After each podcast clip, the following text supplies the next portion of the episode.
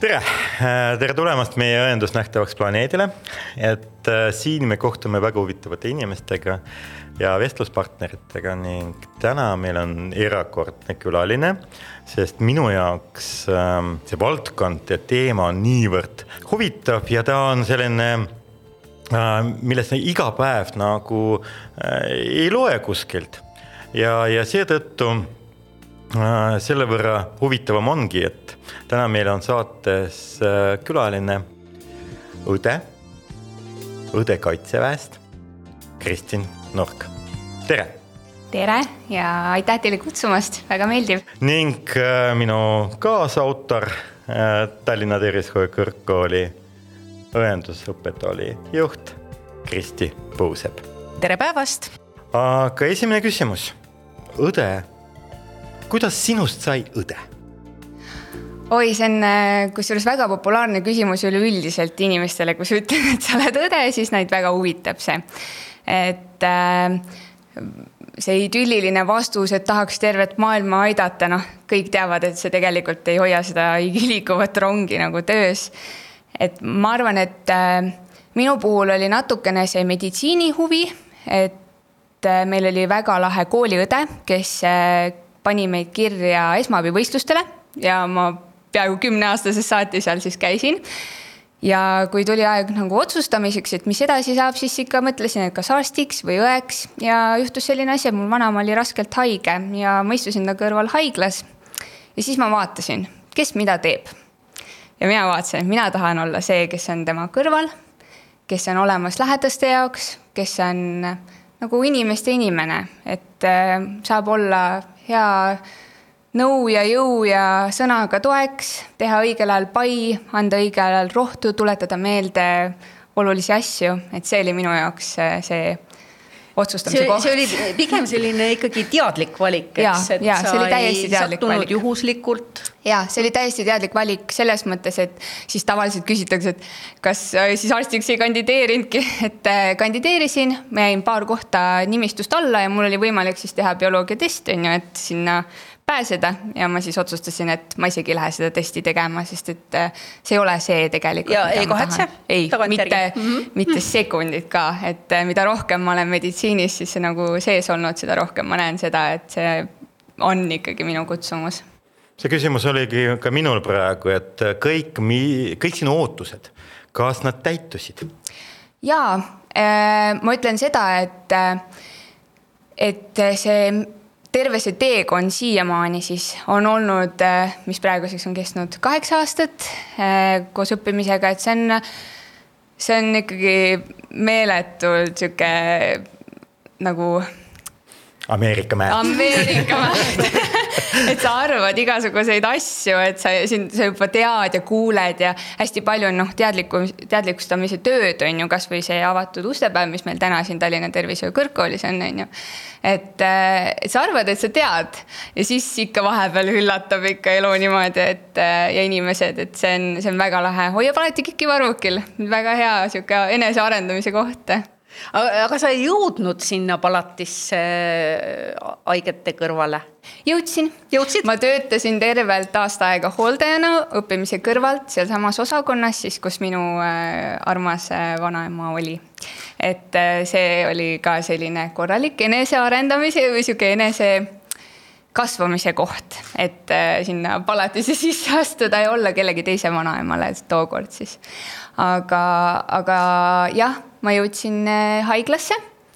ma olen töötanud viis aastat ja töötan ka praegu poole kohaga kiirabis ja siis viimased neli aastat olen äh, põhikohaga kaitseväes. no vot, see on põnev jah, vot siit just tahakski äh, uurida, kuidas, kuidas üldse on võimalik saada kaitseväe äh, õeks tööle hästi lihtne, on vaja jälgida järje, ainult sadat sammu tegelikult ei ole. marsisammu või? jah, põhimõtteliselt tegelikult ei ole see üldse nii raske, et äh, meil on olemas äh, selline suurepärane asutus nagu Kaitseväe Akadeemia ja seal on meditsiini väljaõppekeskus. Äh, terve Kaitseväe meedikud käivad seal ka ennast täiendamas ja see on ka see koht siis, mis pakub sellele kas üliõpilasele või alles äh, inimesele, kes mõtleb, kas saada õeks või mitte, täiendkoolitusi ja täiendkursusi. ehk siis sammud on tegelikult lihtsad, natukene erinev, kas sa oled mees või naine. Et meestel on kaitseväe kohustus riigi poolt antud ja neil on võimalus siis nii kohe, kui neil on arstlikus komisjonis käidud, minna staabiohvitseri sõjalisele baaskursusele kui nad õeks õpivad. ehk siis äh, need inimesed, kes teavad, et nad tahavad meditsiinis olla, kas arst või õde ja nad on kaitseväekohuslased, meesterahvad, siis äh, nad ei pea üksteist kuud ajateenistuses käima, vaid nad saavad teha äh, neljanädalase kursuse kõrgema sõjakooli kaudu ja, ja see ongi siis nende see sõduri baaskursus, kus nad õpivad sõdurioskusi. naistel on samamoodi, ainus erinevus, pead endale kohustuse võtma ja see on kohustus samamoodi nagu meestel kogu eluks. et äh, tasub mõelda, aga ei tasu olla hirmunud sellest, et äh, minu jaoks see tuli nagu loomulikult. no ja sinna haiglasse, me teame, et kui õde lõpetab või no isegi ka siin praktika ajal põhilised praktikad on ikkagi haiglas. see, et äh, sinna ka jäädakse tööle, see on no, enam-vähem kõigile arusaadav ja, ja loomulik.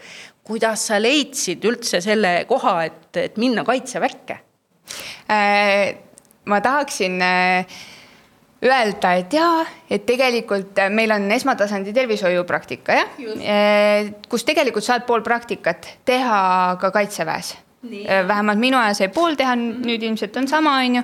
et äh, saad teha erinevates kaitseväe meditsiinikeskustes, saad kohe meki suhu, täpselt samamoodi nagu haiglapraktika. Äh, täidad neid ülesandeid, mida kaitseväe õde täidab. minul ei läinud niimoodi, mina avastasin selle enda jaoks hil-, nagu varem ehk siis eh, ülikooli esimesel aastal ma sattusin eh, sinnasamma kõrgemasse sõjakooli siis sõjameditsiini baaskursusele ja selle kursuse nimi oli sissejuhatus sõjameditsiini. see oli nädal aega ja, ja ma olin täiesti esimesel kursusel, ma õppisin üldse seda, mis õendus on ja samal ajal siis tuli kõrvale see, et mis see lahingmeditsiin on ja kui ma seal esimesel kursusel, seal sissejuhatusel ära käisin, siis tegelikult ma sain aru, et see vist on see, mida ma tegelikult teha tahan. ja, ja siis ma läksin sinnasama baaskursuse teisele moodulile, eh, mis oli siis esmaabi lahingkannatanule, kus koolis ma sellel ajal õppisin eh, eh, vererõhu mõõtmist, siis Tartus mulle anti luunõel ja kanüül kätte ja öeldi, oldi väga toetavad, öeldi, sa saad hakkama, me näitame sulle, sa, sa suudad seda. ja panin ka seal oma esimesed kanüülid mulaažidele ära. et see, et ma sain oma kätega kohe teha see ilmselt oli see, mis nagu mul selle nagu rongi käima ajas, et, et ma saan kohe-kohe nagu no,. traumahaige käsitlus, see on nii põnev, nii põnev. tegelikult noh, äh, tegelikult sa mõistad ka seda, et sinu, sinust sõltub ka patsiendi või kannatanu elu. ehk kui, kui kiiresti sa reageerid, kui kiiresti sa tabad ära, mis seisundis ta on, mis sinu järgmised sammud. Äh, jah, ja, ja see kõik on tegelikult noh, see on see, selleks ikkagi mina leian, peaks olema äh, inimese tüpaaž äh, ka sobima, et no on kindlasti kolleege, kellelegi väga ilusti sobib õe vastuvõtuteenuse niimoodi nõustamise osas, kus perearsti juures äh, tehakse seda sellist rahulikult tööd ja, ja on loomulikult meie kiirabi äh, fännklaab, kes noh, ma ise ka äh, aeg-ajalt teen valvet, siis on hoopis, hoopis noh, teine, teine vaade. aga siin kohapeal ma küsiks võib-olla äh, Äh, oskad sa natukene äh, lahti rääkida ja, ja, ja meie saate kuulajatele näiteks äh, valgustada, et milline on äh, kaitseväe õe üks tööpäev? ma ütlen ühe sõna, on kohe põnev tegelikult on see, et eks see oleneb natukene sellest, et kus sa ka oled. mina töötan Huves Äh, me oleme selles suhtes natukene teistmoodi meditsiinikeskus, et meie õed töötavad valvetega kakskümmend neli tundi, et äh, teistes väeosades tavaliselt on esmaspäevast reedeni kaheksateist viieni nagu tööpäevad on, aga meil on siis see võimalus, et me saame valveid teha. Äh, see valve on jaotatud es-, siis esmatasandi tervishoiuks ja sinna juurde on siis pandud seda, et me turvame tervet seda lennuvälja, lennutegevust siis, et me toetame. Eh, meil on eh, selline õhuturveprogramm juba päris kaua aastaid Eestis olnud ja, ja see turbeprogramm siis all, noh, selle all on see, et seal peab olema pääste kogu aeg kohal koos siis selle meditsiiniga. ehk siis piltlikult öeldes, ma tulen hommikul tööle, võtan oma kohvitassi kõrvale ja tuleb uksest sisse ajateenija, kes ütleb, et põlv valutab. siis ma nõustan ta ära, annan talle võib-olla kreemi, võib-olla panen talle füsioterapeudi juurde aja ja kui juhuslikult äh, tuleb mõni häire lennuväljalt, siis ma tõusen püsti, istun kiirabiautosse ja sõidan. mis tähendab see häire? Äh, ja et see on ähm, selline, meil on äh, teatud, no näiteks kui lennukil tekib mingi maandumisel mingi probleem, et peab olema kõrgendatud valmisolekus, et siis igaks juhuks me sõidame välja juba et olla lennukit valmis ootama. lennukit ootama mm. -hmm. et äh, nagu, kui on hädamaandumine Tallinna lennuväljalt, täpselt samamoodi tuleb kiirabi ja pääste, on ju. kiirabi tuleb siin Tallinnas muidugi Tallinna kiirabi alt, on ju. aga pääste on neil kohapeal, siis meil on nii pääste kui ka kiirabi koha peal tõe, tõepoolest põnev. aga kas äh, näiteks, äh, mina arvasin, arvan, et näiteks kas piloodid, kui lähevad lendu et no ja tõusevad õhku ja kõik, et kas nad läbivad mingi äh, eelnevat meditsiinilist läbivaatust äh, iga, iga päev niimoodi, et. hommikul enne kui lendama hakkavad. et kes seda teeb? Ei, igapäevaselt nad ei läbi äh, siis äh, tervisekontrolli, et küll aga kui neil on mure, et siis nad võivad tulla ja siis me vaatame tervise üle ja, ja siis äh, saame natukene nagu aidata neil otsustada, et kas see on õige õige minna lendama või mitte. et sealjuures mõnikord ka võib tulla lennukisse siis alles tagasi tulles mingi terviseprike, et mul on, olen saanud kätte sihuke väikse pimesoole sealt maandus juba ära ja siis paar tundi läks mööda, ütlesin, kõht on imelik, tuli mu juurde, ütlesin, et tead, sa lähed nüüd EMO-sse. et kunagi ei tea, et selle jaoks me olemegi seal nendele pilootidele nagu toeks. et Eh, ja ka muule personalile, et selle jaoks, et tervet lennujaama hoida nagu töös. aga seal õdede töö on nagu ikka maa peal või pea, peab ja. lendama ka vahel on võimalusi lennata ka vahepeal, aga üldiselt töö on maa peal, jah.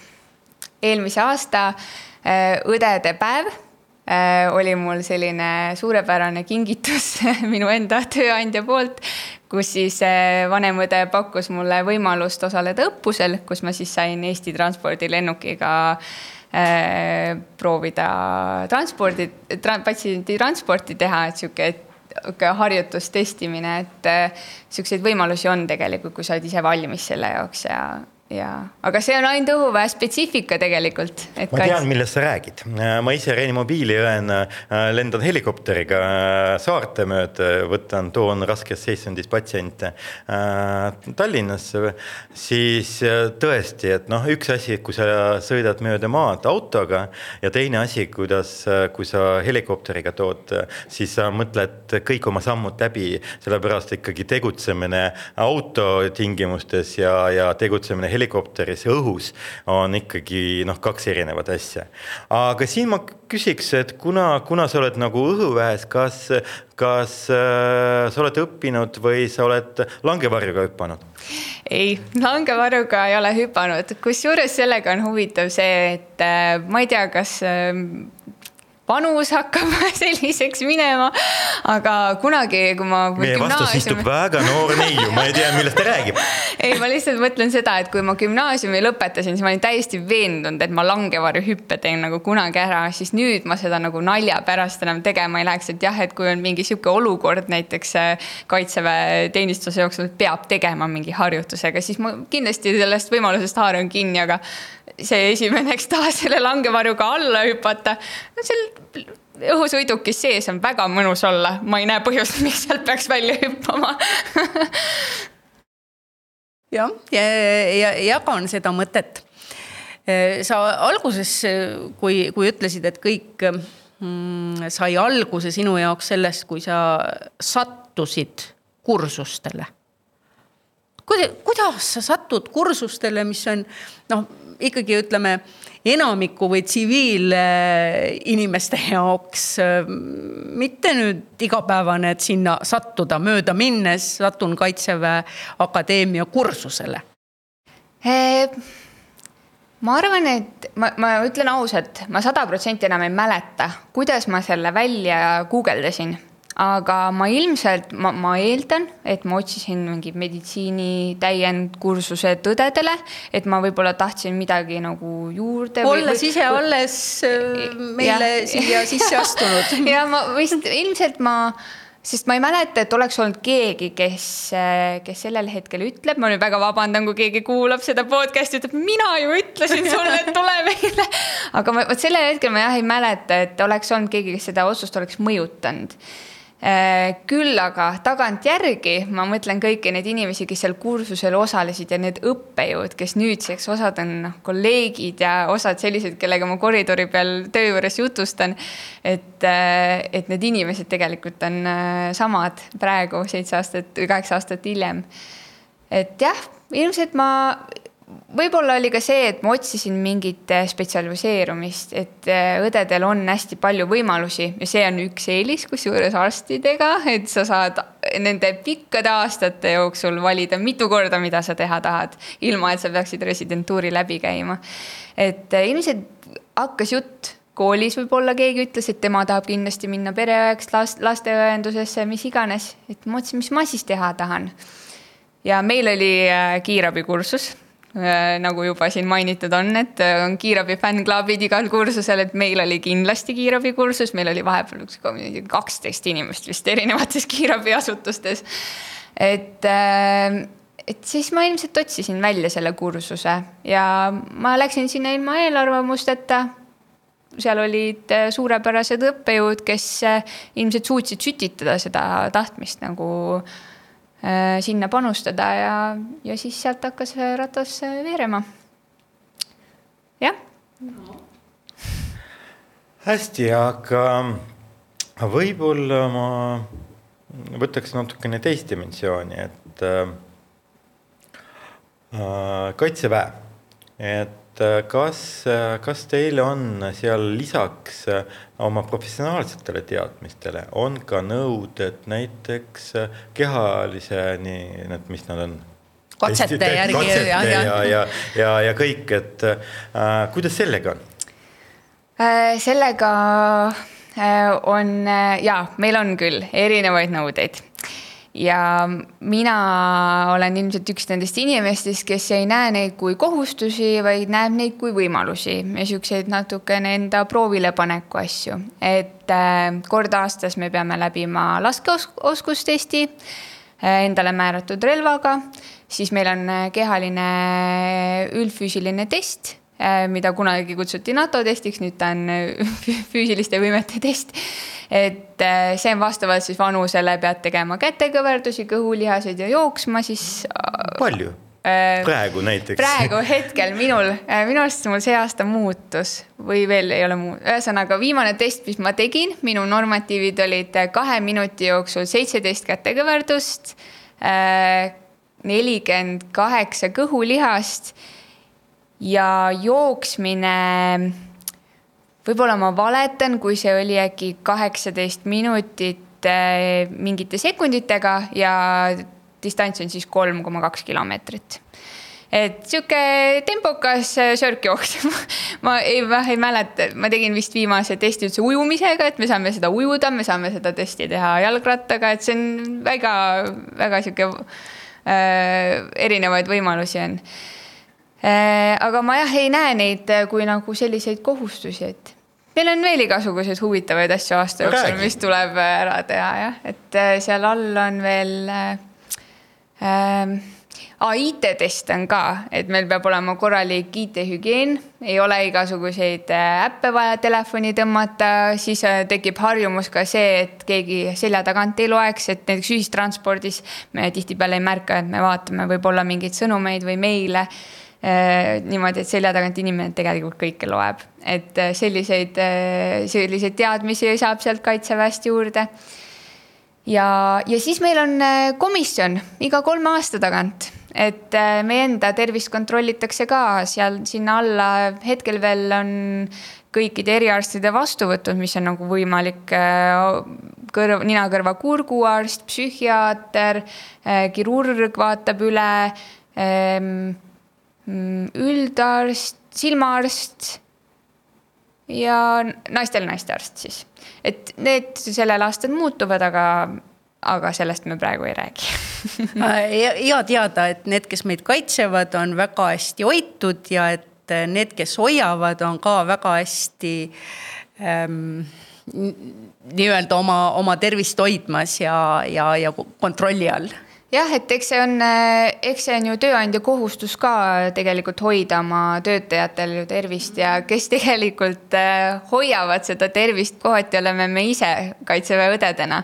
et äh, sinna komisjoni saamiseks on vaja saatekirja, mida väljastab väeosa arst ja väeosa arst väljastab selle saatekirja nende protseduuride pealt, mida õde siis teinud on, et vererõhud, EKG-d, erinevad vere-uriini analüüsid on ju, et, et see seda kõik me ise teeme, me ise jälgime, et kasvõi viimane selline, ma pidin kohe õendussekkumise tegema, inimene läks komisjoni, kõik oli korras ja hästi, aga kolesteroolikene oli natukene kõrge, et äh, siis istusime maha, rääkisime pikalt ja laialt, mida, mida inimene saab enda jaoks teha, et, et seda kontrolli alla võtta. et äh, kaitseväe meditsiin ei ole see, et ainult jookseme mööda metsas, kutt hambus ja püss teises käes et äh, ikkagi. palju teil õdesid on kaitse? Ma jään praegu vastuse võlgu, palju meil kõikides väeosades on kokku, aga õhuväes. õhuväes on meil kakskümmend inimest, üks füsioterapeut, minu arust on kaheksa parameedikut ja siis on õed ja üks on, üks õdedest on siis vanem õde ja üks õdedest on varustuse eest vastutav õde. et nemad kaks töötavad siis äh, päevasel ajal nädala sees, ülejäänud teevad valveid.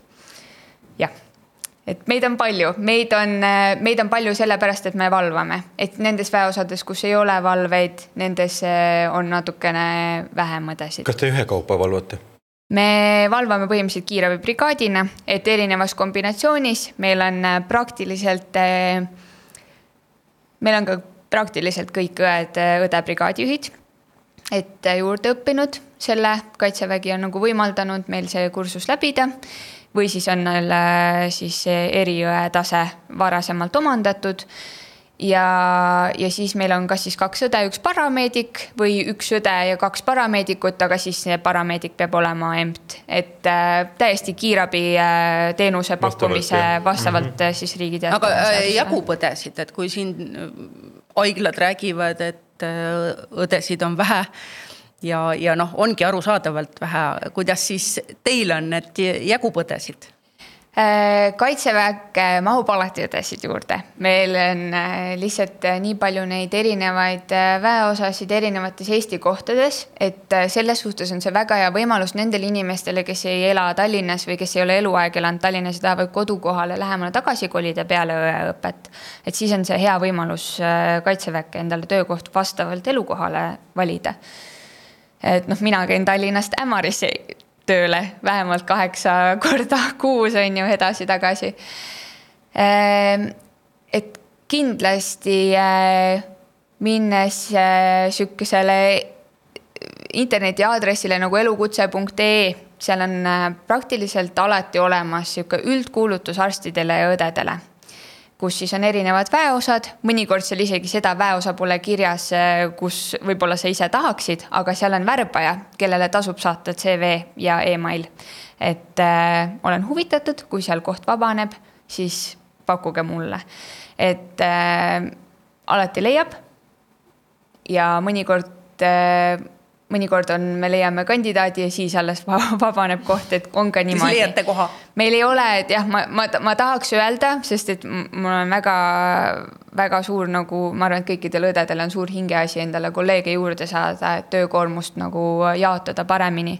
et ma väga tahaks öelda, et meil on pool platsi tühi, et tulge kõik ruttu et meil ei ole seda, aga, aga võib-olla sellega on seotud lihtsalt ka see, et kaitsevägi nagu hoiab, hoiab oma õdesid ja meil on lihtsalt väga head tingimused, meil on väga palju erinevus, noh sihuke. tahtsingi, tahtsingi võib-olla küsida juurde, et kas kaitsevägi pakub mingi ka sotsiaalset kaitset?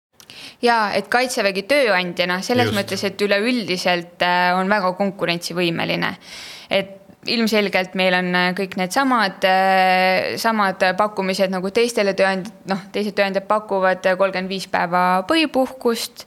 Need, kes töötavad esmaspäevast reedeni, saavad ka kvartalis ühe vaba päeva tööaja sees endale taotleda tooksin siinkohal välja selle jällegi meditsiini väljaõppekeskuse täiendkoolituste näol, et olgu meil parameedik, õde või arst, meil on kursuste nimekiri nii pikk, tsiviilisikud tahavad sinna kursustele saada. sinna koht, sinna ei saa kohta niisama, kui sul ei ole nagu otseselt seost kaitsejõududega.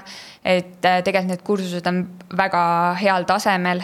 Äh, see koolitusvõimalus on, äh, on nagu väga hea ja kui jääb asutusesisestest koolitustest puudu, siis mul ei ole veel selle aja jooksul olnud probleemi ennast äh, väljaspool asutust äh, täiendada.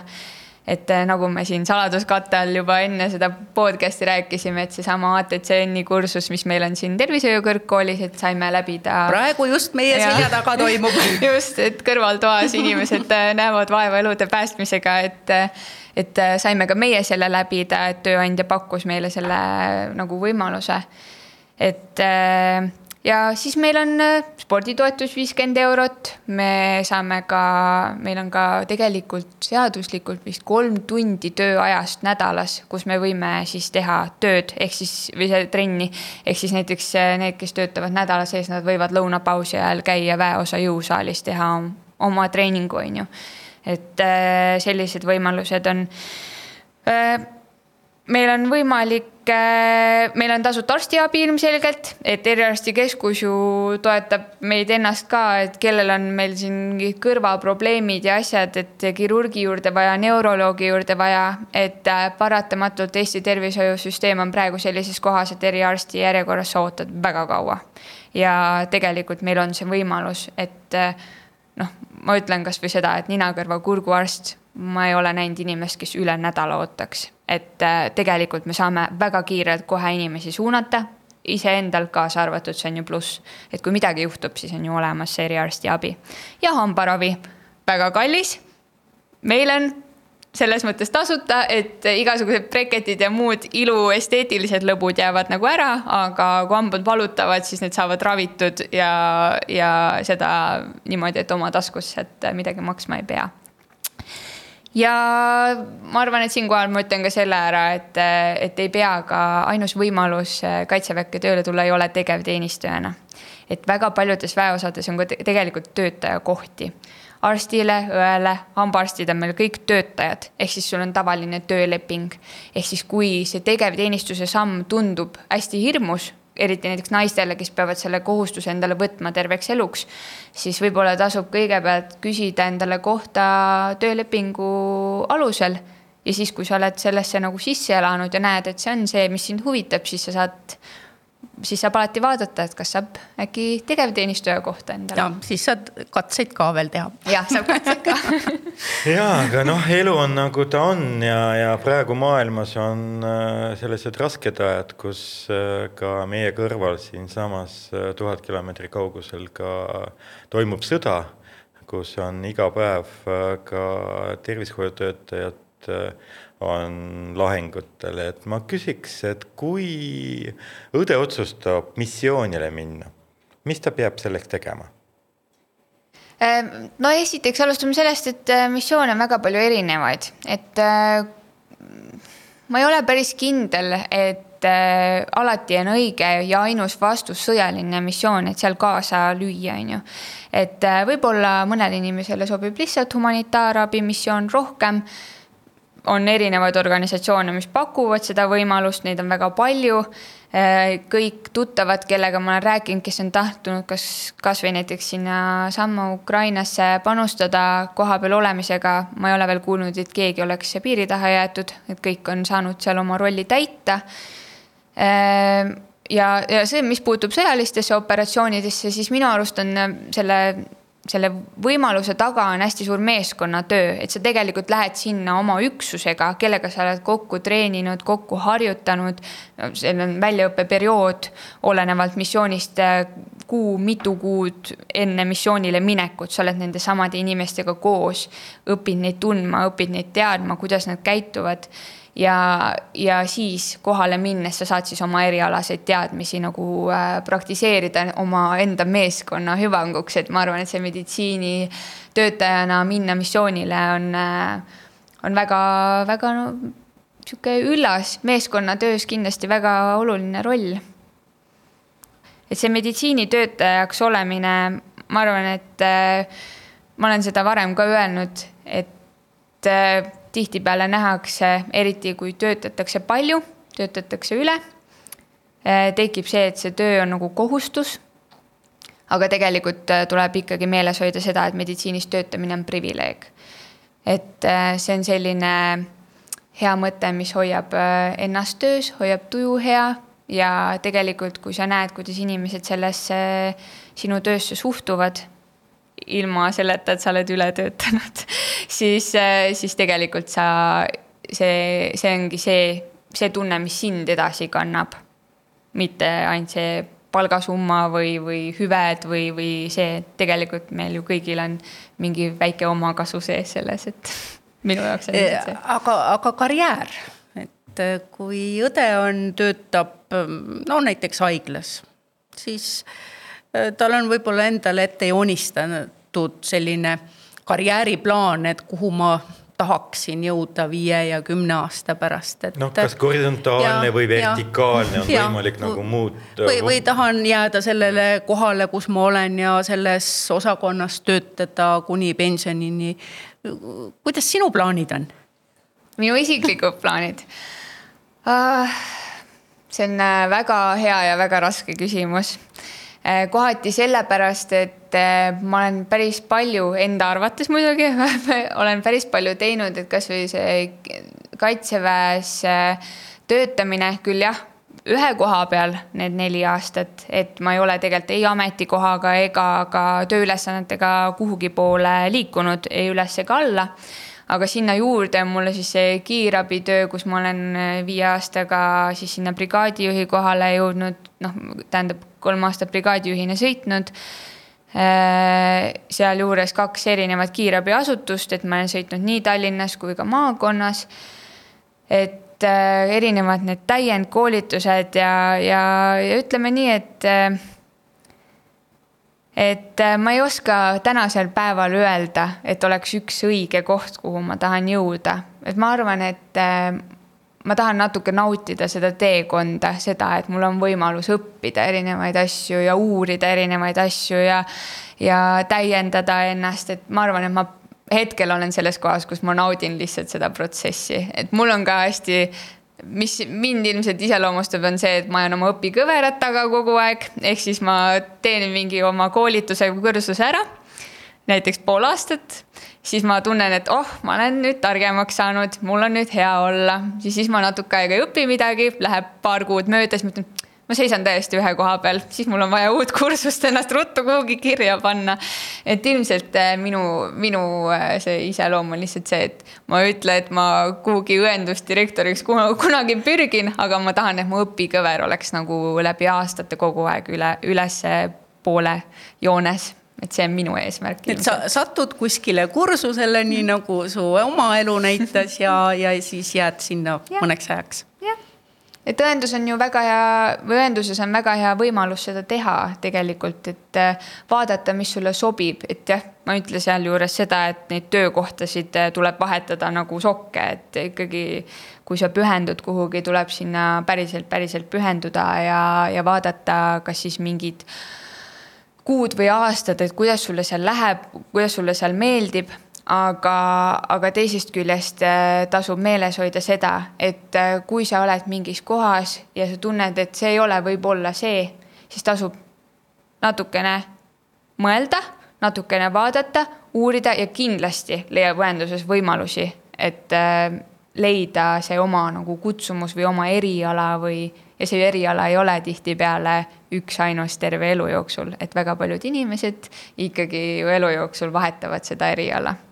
ma olen alati öelnud, et, et kui ma, ma alustasin oma teekonda eh, kirurgia, üldkirurgia vähihaigete osakonnas, et eh, kui ma kunagi vahetult enne pensionit, et võib-olla ma siis jõuan sinna tagasi, et see on täpselt see koht, kus vahetult enne pensioni olla inimestele olemas, et spiraalina. just, aga ma küsiks võib-olla su käes, et kas äh, nende aastate jooksul oli need hetked, äh, kus sa tundsid, et sa oled läbipõlemise ääre äh,? jaa.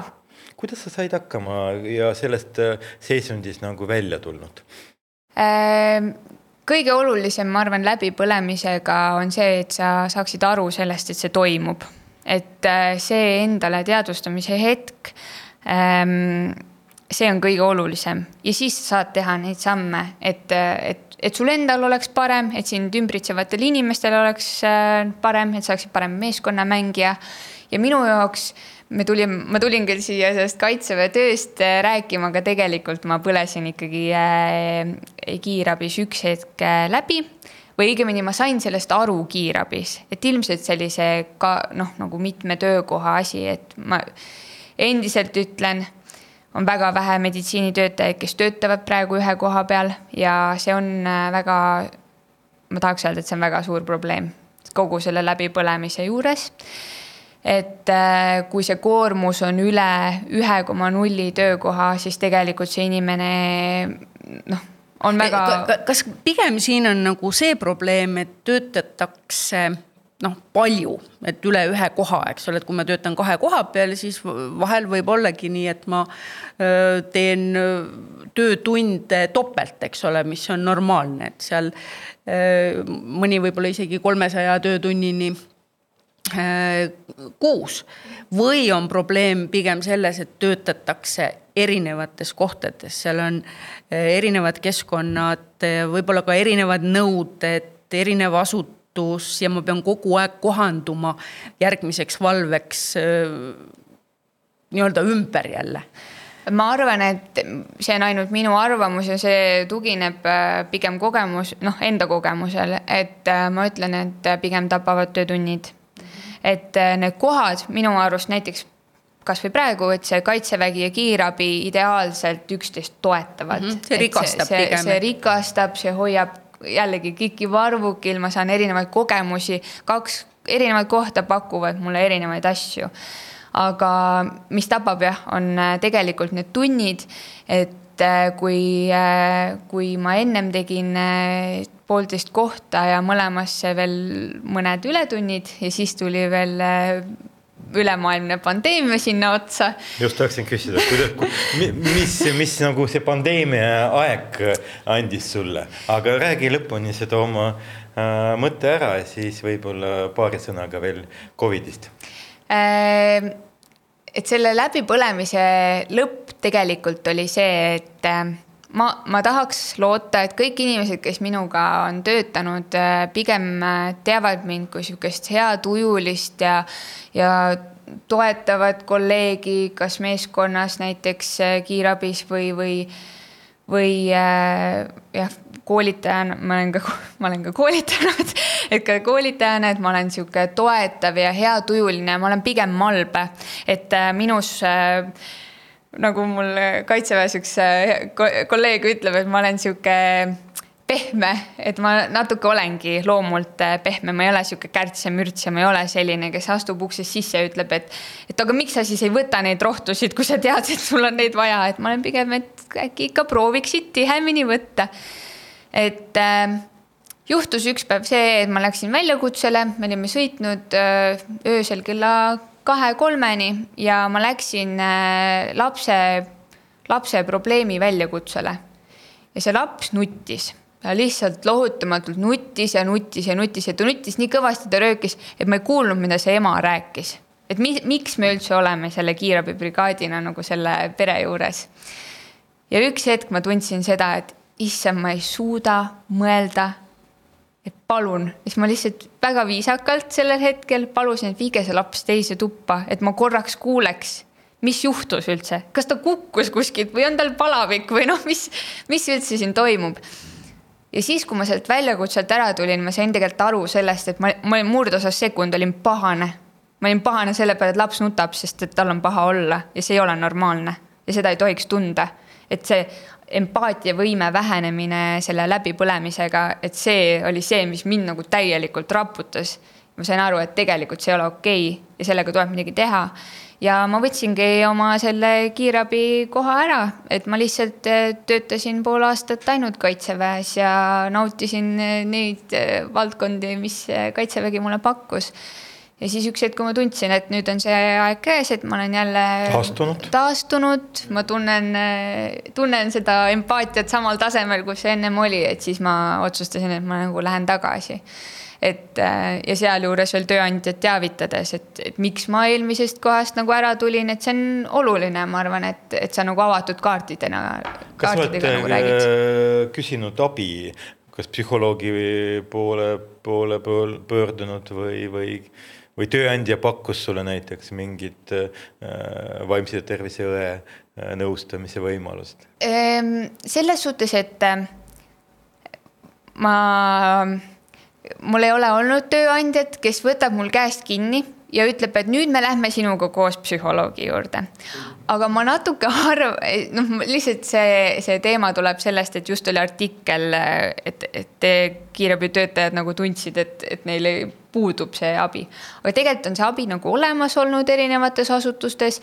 et äh, ma ütleks, et, äh, et kuigi äh, vaimse tervise probleemid on väga äh, väga suured praegu ja järjekorrad on väga pikad, et äh, ma ei ole, ma ei ole pöördunud aga, aga ma näen, et on võimalused ja natuke see meditsiini sisetöötamine annab mingi eelise võimaluse, et kui me võtame kasvõi siin Põhja-Eestis ühe suurima tööandja Põhja-Eesti Regionaalhaiglas, neil on täiesti koostööpartnerid, on ju, et kelle, kelle poole saab pöörduda, kui sa tunned ennast halvasti, ma väga julgustan tegema seda, eriti nendel inimestel, kellel näiteks, ma ei tea, finantsilisel ähm, finantsilistel põhjustel puudub see võimalus, et jätta ära see ülekoormus.